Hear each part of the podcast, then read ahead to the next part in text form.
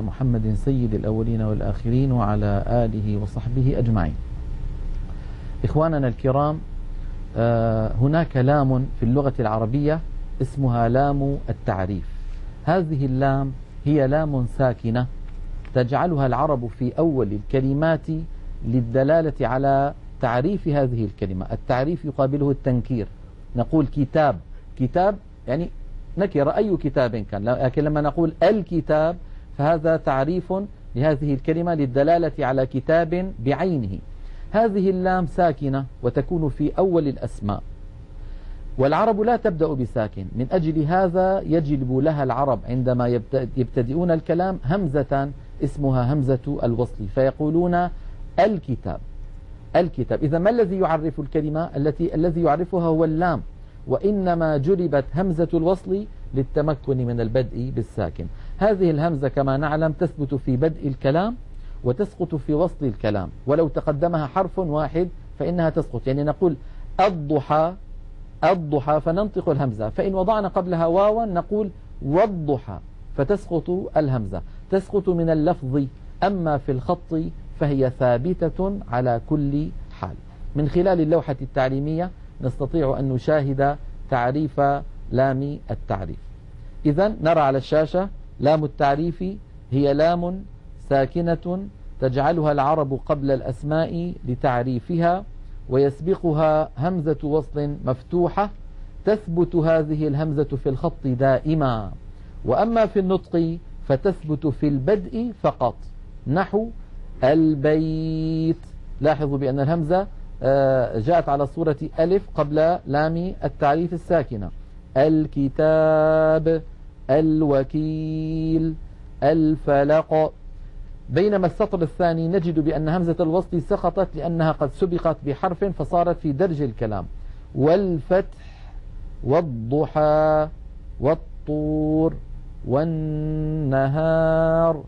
إذا يا إخوتي هذه اللام لام التعريف هي لام كما ذكرنا تسبق الأسماء.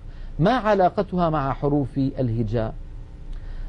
لام التعريف هذه يأتي بعدها الهمزة والباء والتاء والثاء كل الحروف. 28 احتمال. 28 حرف ما عدا الألف. الحروف الهجائية كما نعلم 29 لكن الألف لا تكون إلا ساكنة ولا يكون ما قبلها إلا مفتوحا. فيستحيل أن تأتي بعد لام التعريف. بقي عندي 28 احتمالا. هذه الاحتمالات الثمانية والعشرين آه، كانت العرب تظهر لام التعريف عند نصفها. أي عند أربعة عشر حرفا وكانت تدغمها عند أربعة عشر حرفا. من الحروف إذا نلاحظ على اللوحة الآن آه، وضع لام التعريف مع حروف الهجاء. وضع لام التعريف مع حروف الهجاء إما أن تكون شمسية يعني مدغمة وإما أن تكون قمرية يعني مظهرة. نعم. إذا العرب تدغم لام التعريف في أربعة عشر حرفا. من جملة تلك الحروف الأربعة عشر اللام المتحركة كقولنا مثلا والليل أصلها ليل دخلت عليها لام التعريف فصارت الليل. فإذا استثنينا هذه الحالة لأنها عبارة عن إدغام متماثلين لام في لام يبقى عندي ثلاثة عشر حرفا مقاربا. كانت العرب تدغم لام التعريف في هذه الحروف المقاربة الثلاثة عشر. آه مثال ذلك مثلا عندما يقولون الشمس. الشمس ولا يقولون الشمس. يقولون مثلا الطول أط من الهمزة إلى الطاء مباشرة ولا يقولون الطول. فإذا يحولون لام التعريف إلى الحرف الذي جاء بعدها. مثلا هذه هذا المثال الطول.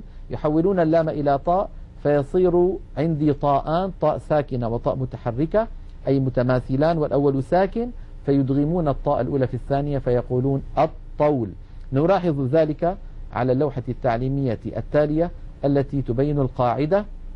اللام الشمسية تدغم العرب لام التعريف في ثلاثة عشر حرفا مقاربا للام في المخرج مقاربا لها في المخرج نحو والشمس والسماء الداع الطول الثواب. نعم.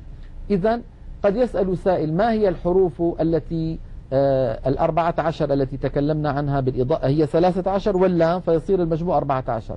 ما هي الحروف التي آه، تدغم العرب لام التعريف فيها؟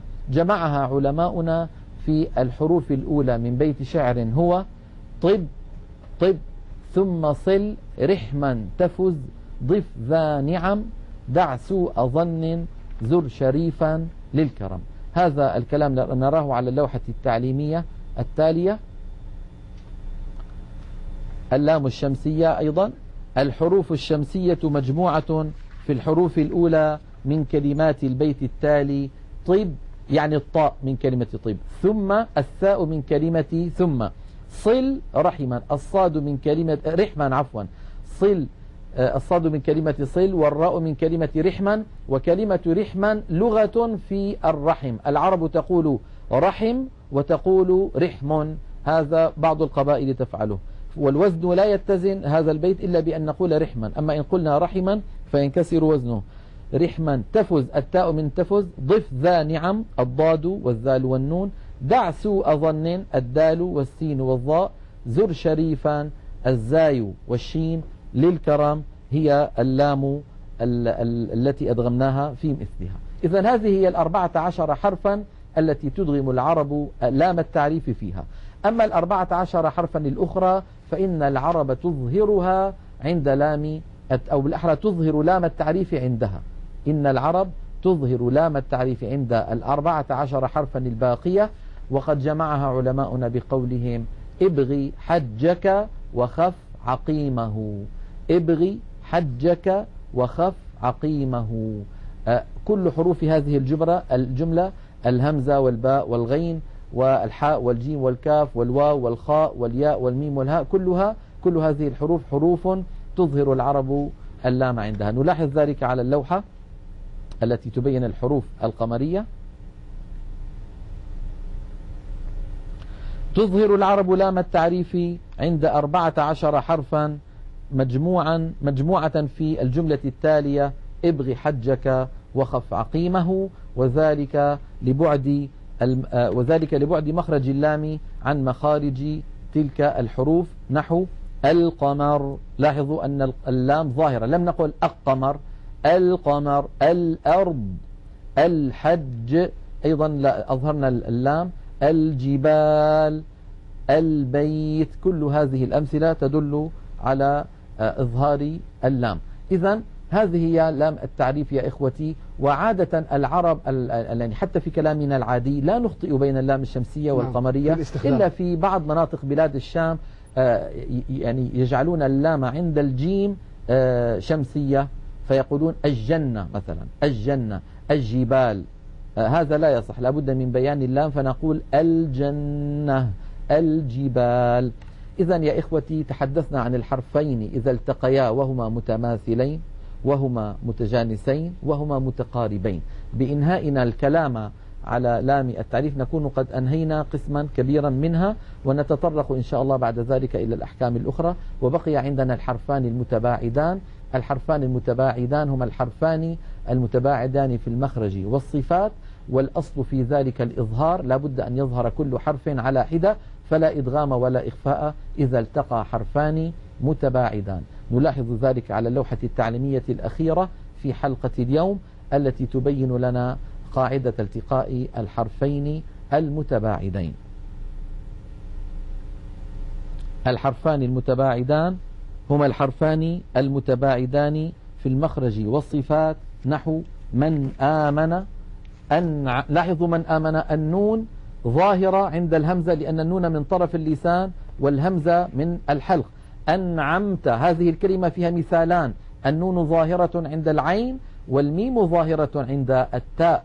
عليهم الياء ظاهرة عند الهاء. يؤمنون الهمزة ظاهرة عند الميم. تشكرون الشين ظاهرة عند الكاف.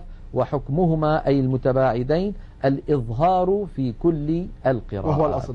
وهو الأصل.